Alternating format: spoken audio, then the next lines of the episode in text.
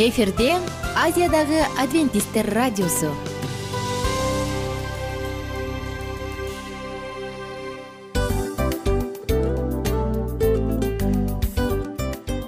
Достор салют. Баардык сүйүктүү угармандарыбызга салам айтабыз. Кутман күнүңүздөр менен. Ден соолук өмүрдүн булагы демекчи саламат саамы программасында баарыңыздарды көргөнүбүзгө абдан кубанычтабыз. Анда алгач амандашып өтөлү арбаңыздар деп. Ден соолугуңуздар кандай элибизде көбүнчө ден соолук кандай дегенде эле жакшы деп жооп беребиз э ооруп турсак дагы жакшы дейбиз. Анан мен муну айтып ойлойт элем бул абдан сонун сөз депчи анткени бул жакшы деген үмүт да э ооба баары жакшы болот баары сонун. Деп үмүттөнүп атып эле өзүбүздү өзүбүз дарылап коебуз.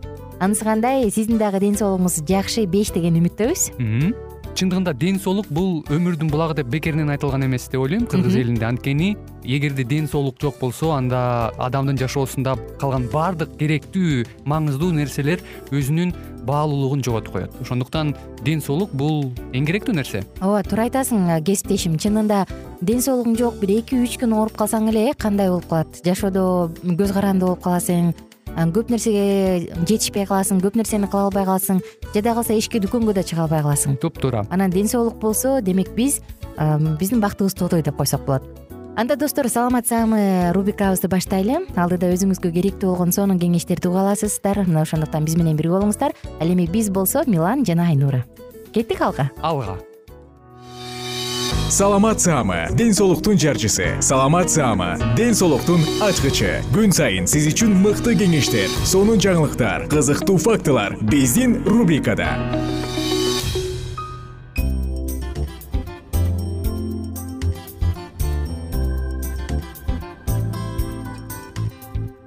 Кутман күнүңүздөр менен замандаштар баардык сүйүктүү угармандарыбызга ысык салам жана салам айтуу менен бирге сиздерди саламат саама рубрикасына кош келиңиздер деп чакырам.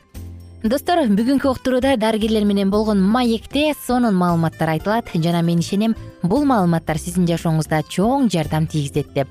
Жагымдуу мүнөттөр бирге болсун биздин жыштыктан алыстабаңыздар радионун үнүн өктөмүрөөк чыгарып керек болсо кагаз калем сап алып керек болсо өзүңүздүн уюлдук телефондон диктофондун күйгүзүп алып жаздырып алганга дагы аракет кылыңыз анткени чындыгында бул сонун белек маалыматтар кымбат маалыматтар сиздер үчүн. Жагымдуу мүнөттөрдү бирге өткөрөлү а бизде ушул детский гинеколог барбы негизи атайы бул үчүн дагы билиши керек да. детский гинекологдор эми проблема деп айтсам деле мындай детский гинеколог подростковый врачтар бар. Бирок э, баягы билбейм бизде биз э, жаштар менен иштеген үчүн мен э, баягы бизде он төрт жаштан он беш жаштан үйгө келишет да. Детский гинеколог катары эле көрө беребиз биз баардыгын баягы алып келгенден кийин эми гинеколог болгондон кийин билесиң да көрөсүң. Любой эле гинеколог көрүп эме кыла алат. Жана жогорудагы суроомо кайрак айткым келип атат дарылоодо эрозияны дарылоодо. Канчалык деңгээлде кооптуулук бар да кийин ал өзү түзөй албай калат сөзсүз түрдө кесарево кылыш керек дегенчи жок кандай учурда бул ушундай дарылануулар эгерде өтө эле өтүшүп кетсе өтө эле өтүшүп кетсе анан кийин токту колдонуп э, баягы күйгүзсө глубокий повреждение болуп кетсе ошончолук шрам бир жериңди чоң кесип алсаң ошончолук грубый шрам болот го ошол сыяктуу эле да. А так мындай төрөбөй калат деген это туура эмес. Наоборот эрозия менен балким төрөй албай калат да эгер кичине тураласа төрөй албаса альтернатива бар азыр. Азыр өзү төрөгөндөр деле бар. Кесарево суранып атышпайбы ошон үчүн ал методдон кийин төрөй албай калат деген жок. Жакшы. Досторубуздан келип аткан суроолор бар. Дагы да айта кетели эгерде сизде ушул жаатта суроо болсо анда бизге комментарий кылып калтырыңыз мындай дейт мындай дейт. Бул оору кайсы жаштан башталат деп көрөрманыбыздан келиптир досубуздан? Бул оору этек киргелип бойго жеткенден башталышы мүмкүн. Бирок кыз кишиде эрозия бар экенин биз көрө албайбыз. Себеби дегенде кыз кишинин жатынын моюнчасын көргөнгө бизге мүмкүнчүлүк жок. Алардыкы кыздыгы жабык. Бирок аларда сасык выделение келип жанагы аябай ооруп келген кыздар болуп турат аны биз күйөөгө тийген күндөн аныктай алабыз менде дагы суроо болуп атат ушул баягы кыз кишиде көбүнчө суук тийип калыптыр женский жагына деп коюшат го эми бизде эки эле оору бар көз тийиптир суук тийиптир деп. Ушундай суук тийүү же сезгенүү эрозияга алып келиши мүмкүнбү же? Алып келиши мүмкүн мүмкүн. Мүмкүн э? Мен айтып атпаймынбы оозуңа чыккан учук дененин баардыгында болушу мүмкүн. Дагы кийинки сурообуз бар мындай дейт. Бул ооруну алдын алуу үчүн кандайдыр бир витаминдерди ичип жүрүүгө мүмкүнбү жардам береби дейт. Кандайдыр э, степень жардам бериши мүмкүн биринчи эле инфекциядан арыз болгула күйөөңөрдү жакшы тарбиялагыла. Күйөөгө терди сөзсүз күйөө баланы алып келип э, доктурдан текшертип справка алып анан тийгиле дейт элем да. Если инфекция денеде болбосо ал эрозия эч качан болбойт.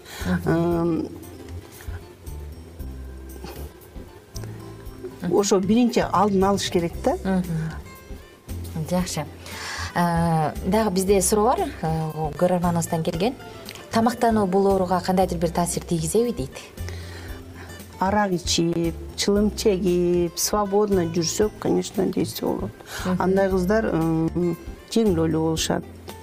Мындай э, тамак жөнөкөй сөз менен или э, начар тамактанып же жанагы фигурамды сактайм деп э, диетага отуруп арыктап иммунитетин түшүрүп еще плюс инфекция жукса тоже болушу мүмкүн. Ошон үчүн иммунитеттин түшүп кетүүсү башында айтпадымбы иммунитеттин түшүп кетүүсү гормоналдык нарушение алып келет гормоналдык нарушениядан болушу мүмкүн. Жакшы. Инфекция коштогондо э дагы бир жолу белгилейли дагы бизде суроо бар.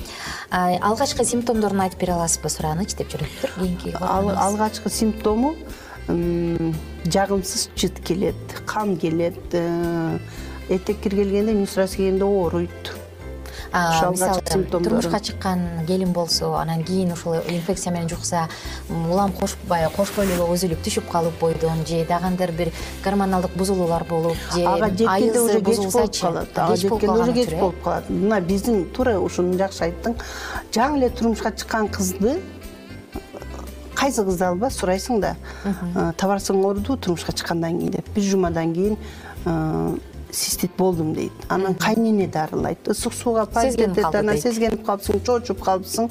Жок это биринчи инфекциянын киргенинин белгиси. Ошол күндөн ызы чуу кылып лечение кылып башташ керек. Түшүнүктүү аябай жакшы айтып кеттиңиз. Дагы бар бизде кош бойлуулук учурда эрозия менен ооруп калса эмне болот жана эмне кылыш керек дейт? Кош бойлуу кезде эрозия менен ооруп калса баягы эле инфекцияны дарылаш керек. Выделениясын кетириш керек баягы мен айтпадымбы мурунда маң кагып атса эзилип кетет да бул жер. Ошол сыяктуу эле выделенияны токтотсо эле болгону ошол лечение кош бойлууда потому что биз андан ашык кыла албайбыз. Себеби дегенде э, лечение кош бойлууларга э, мындай кыскартылган чектелген ошон үчүн кош бойлуу анан э, мынтип көп сурашат. Эрозиям бар менин боюма болмок беле деп баягы бойуна болуп калыпты сенин боюңда бар экен десең жок менин эрозиям бар менин боюма болбойт деп. Эрозия менен бойго да болот төрөлөт дагы баары болот. Эрозия менен эмнеси коркунучтуу баягы төрөп жатканда төрөп жатканда эрозия деген бул жара деп атпаймынбы жара аркылуу э, микроб глубоко кетип калышы мүмкүн да. Терең кетип калышы мүмкүн. Төрөт да төрөт убагында айрылып кетиши мүмкүн баягы. Жатын айрылып кетиптир анан кийин деген сөздөр болот го төрөт убагында ошонун айынан достор биз кызыктуу мүнөттөрүбүздүн соңку мүнөттөрүндөбүз соңку учурларындабыз соңку гана көз ирмемдер калды. Угармандарыбыздын ар бирине кааларым бекем ден соолук ден соолук бул сиздин ааламыңыз эгер бут кийимдин тар болсо дейт бут кийимиң анда дүйнөнүн кенендигинен кандай пайда дейт? Анысы кандай дүйнөдө канча байлык болбосун канча сонун нерселер болбосун бирок ден соолук болбосо андан бир тыйынча да пайда жок. Ошондуктан сиздин кооздугуңуз сиздин кооз ааламыңыз бул ден соолуктан башталат. Аны сактаңыз баалаңыз. Кийинки уктуруулардан кайрадан амандашканча деп коштошом бар болуңуздар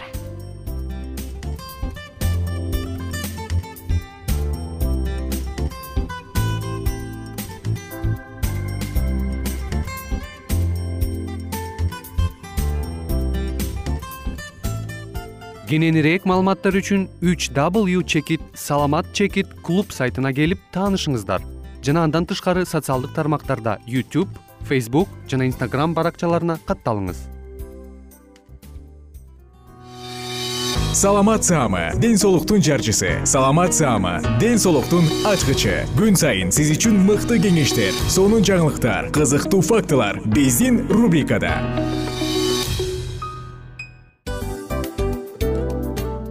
салам достор. Кайрадан биздин сүйүктүү рубрикабызга кош келиңиздер деп айтмакчыбыз. Баардык замандаштарыбызга арбаңыздар деп саламыбызды айтабыз. Улуу ушундай бир урматтаган учурашуу менен анан дил маек радио баракчабызга чакырабыз. Негизи дил маек биздин рубрикабызда эмне жөнүндө кеп кылабыз бул дил маектин мааниси эмнеде рубрикабыз менен кичине тааныштырып кетсеңиз. Сөзсүз түрдө тааныштыра кетейин кесиптешим суранычы боюнча бул учурда бул радио баракчада биз ар тарап кесип ээлеринен сонун кеңештерди алабыз сүйлөшөбүз сырдашабыз. Аталарыбыздын эжелерибиздин апаларыбыздын кеңештерин угабыз айтор. Жан дүйнөгө адамдын э, сапатына адамдын деги эле адам болуп жашашына керектүү баардык кеңештер алдыда. Негизи э, дил маек дегенде баягы эки адамдын ортосундагы сырдашуу кенен сүйлөшүү. Негизи эле биз адамдар бири бирибиз менен бир жерге жай жерге отуруп алып өзүнчө тынч жашоо жөнүндө өмүрүбүздө эмне болуп атканын бөлүшкөнү жакшы көрөбүз э адамдар. Ооба туура айтасың анан мындай учурга кээде убакыт да жетпей келет э? Же болбосо сырыңды кайгыңды муңуңду кубанычыңды айткың келет а адамга ишенбешиң мүмкүн. Ооба. А бул радио баракча угармандарыбыздын чыныгы досу. Анткени бизден алган кеңеш сиздин жашооңузга чоң жардам берет. Ал эми сиздин бизге айта турган сөзүңүз ортодо гана сыр бойдон калат. Ошондуктан биздин дил маек рубрикабызга дагы бир жолу кош келиңиздер. Жана биз даярдаган маалыматтарга даяр болуңуздар. Айнура жана милан сиздер менен бирге алдыга кеттик ар түрдүү ардактуу кесип ээлеринен. Алтын сөздөр жүрөк ачышкан сыр чачышкан сонун маек. Дил маек рубрикасында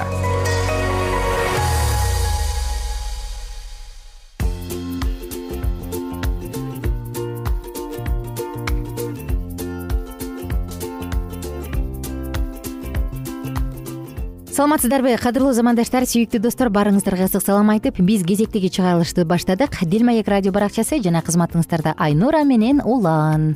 Салам достор. Кайрадан эле биз сиздер менен э, үй бүлөлүк багытка арналган дил маек уктуруубузда бүгүн э, абдан бир жакшы теманын үстүндө сөз кылабыз.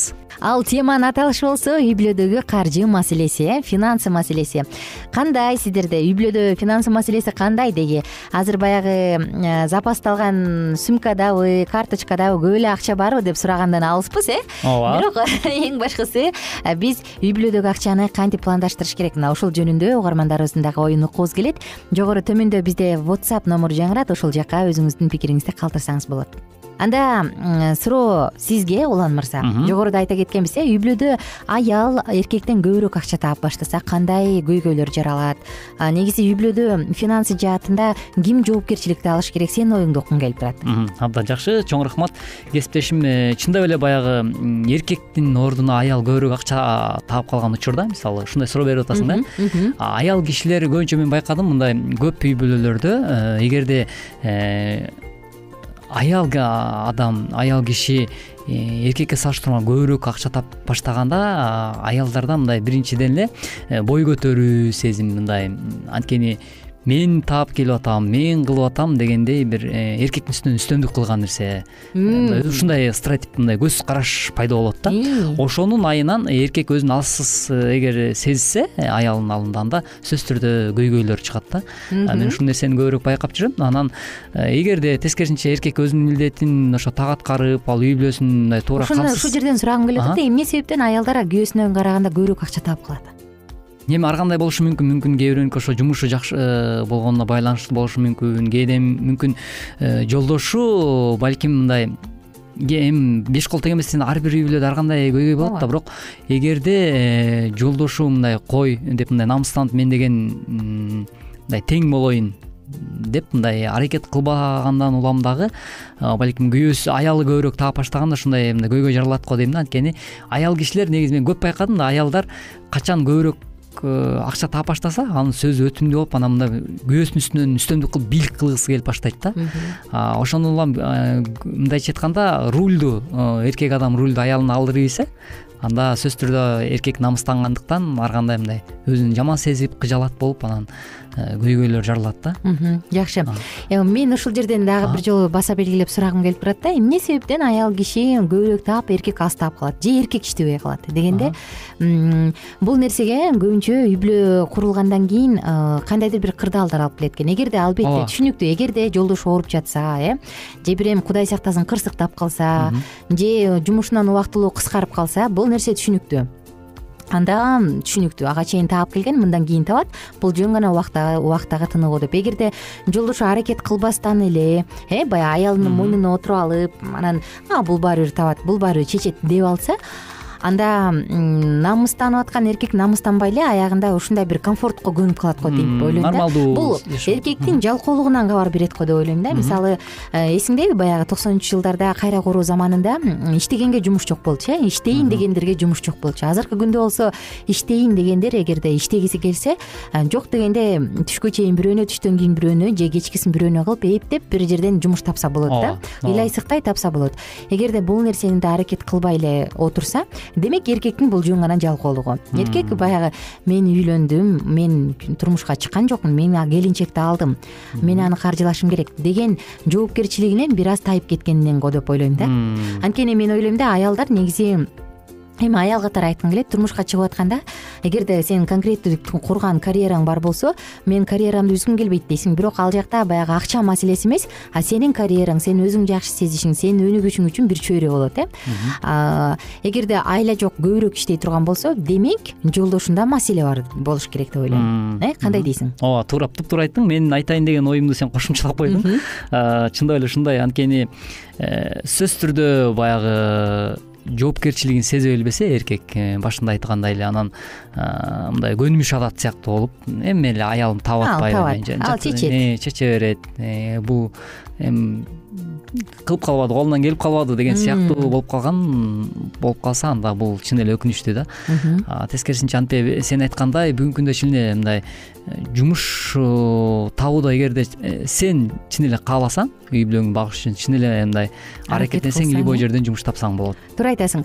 Андан тышкары дагы мен ойлойм эмне себептен аялдар көп таап калат дегенде баягы кенен басып кенен өскөн кыздар бар да э? Ооба. Мисалы менде мени жөнөкөй катардагы косметика мага жакпайт канааттандырбайт мен профессионалдуу алгым келет ал кымбат деп анан күйөөсүн караса күйөөсүнүн акчасы жетпейт да.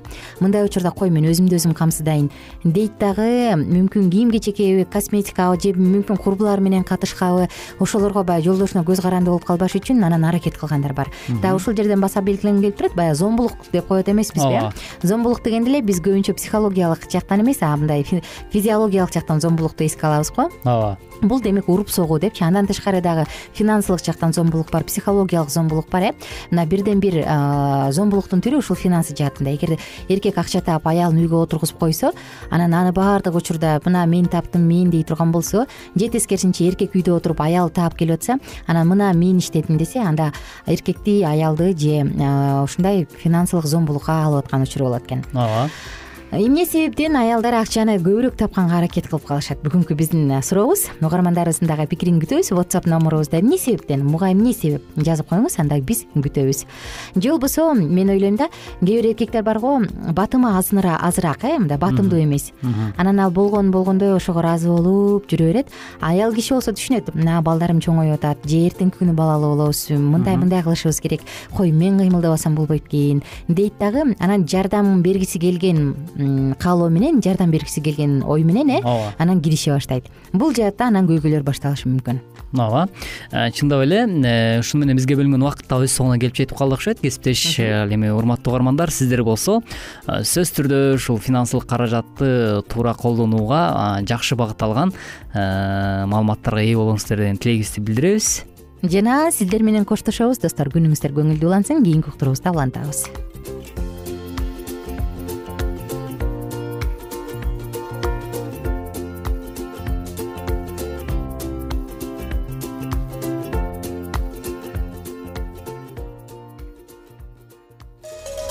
ар түрдүү ардактуу кесип ээлеринен. Алтын сөздөр жүрөк ачышкан сыр чачышкан сонун маек. Дил маек рубрикасында.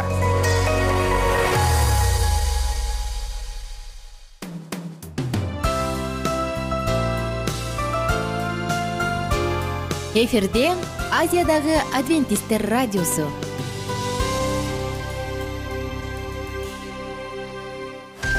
жан дүйнөңдү байыткан жүрөгүңдү азыктанткан жашооңо маңыз тартуулаган жан азык рубрикасы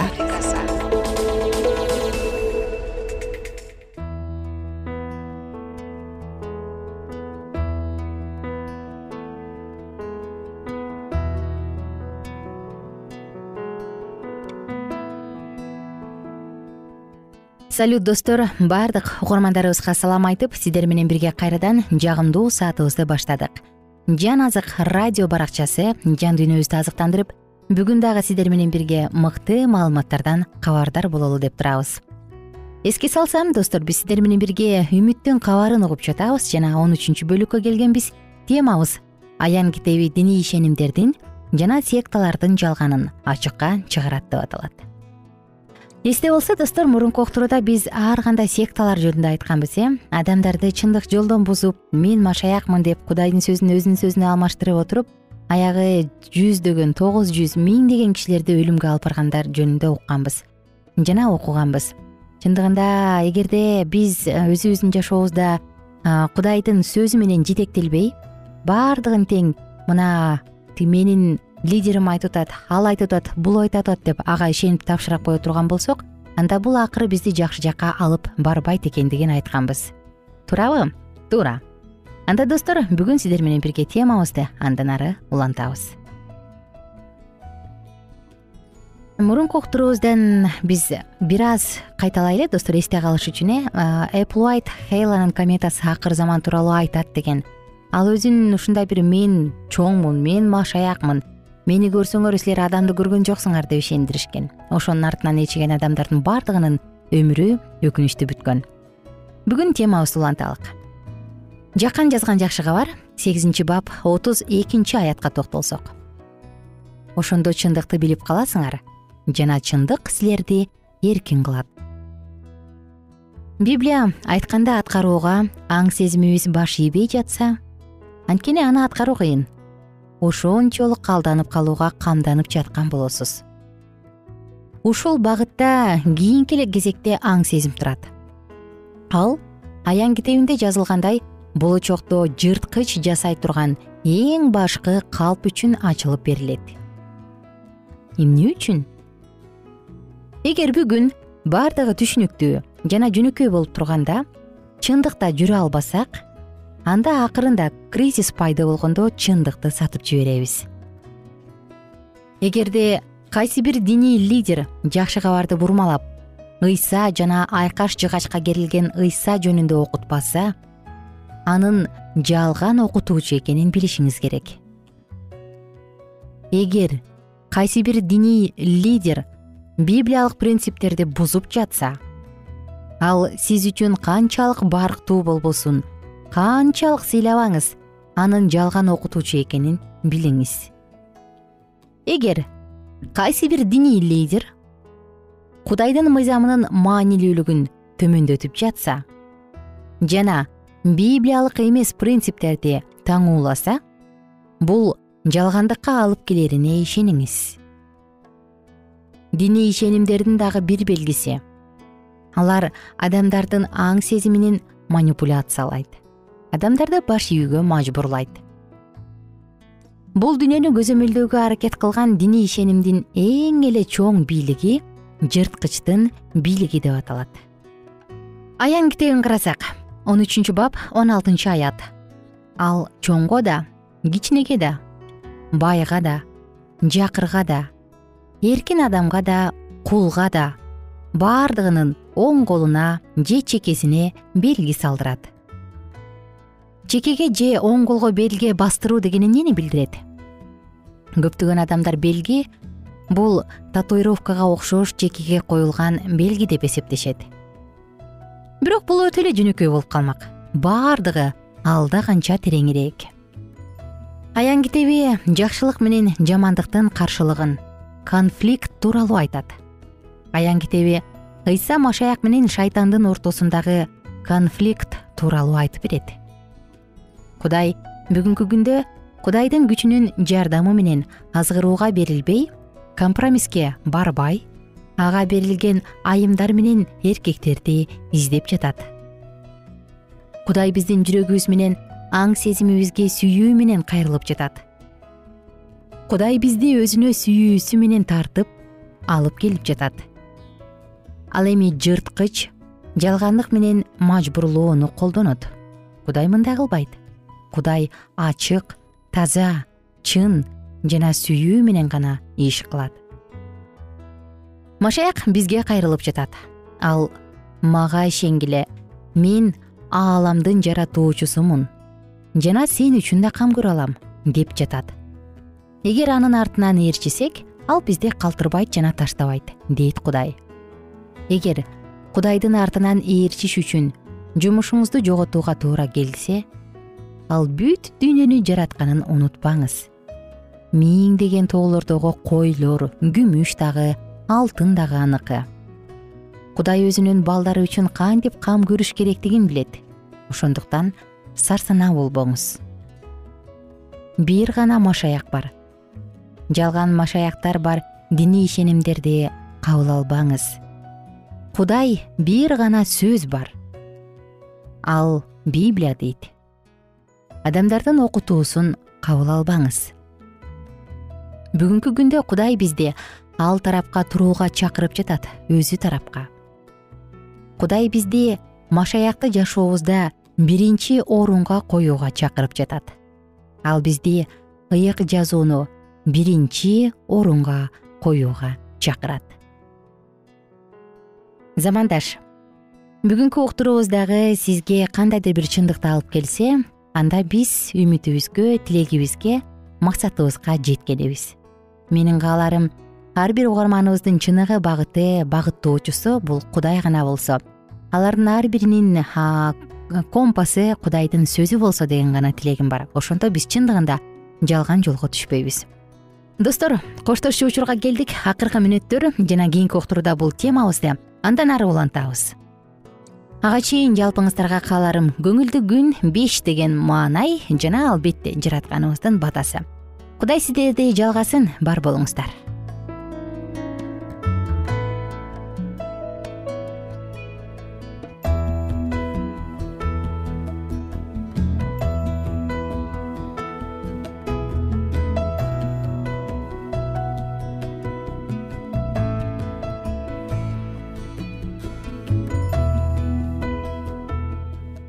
эгер сиздерде суроолор болсо же көбүрөөк маалымат билем десеңиз анда биздин whatsapp номерибизге жазыңыз. Плюс бир үч жүз бир жети жүз алтымыш алтымыш жетимиш. Кайрадан плюс бир үч жүз бир жети жүз алтымыш алтымыш жетимиш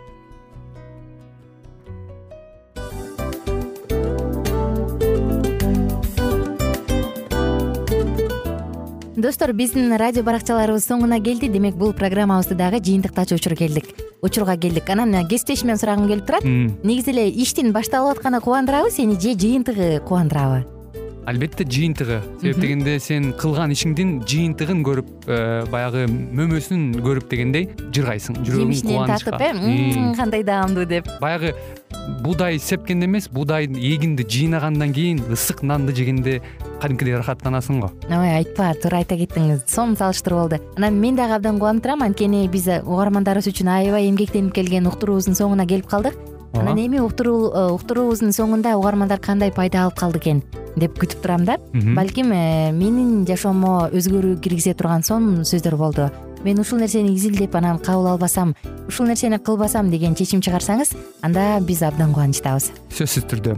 Андыктан кийинки биздин кызыктуу уктурууларыбыздан көрүшкөнчө сак саламатта калыңыздар. Чыдамсыздык менен сиздерди мен милан жана кесиптешим айнура күтөбүз. Баардык угармандарыбызга ийгиликтүү күн каалайбыз.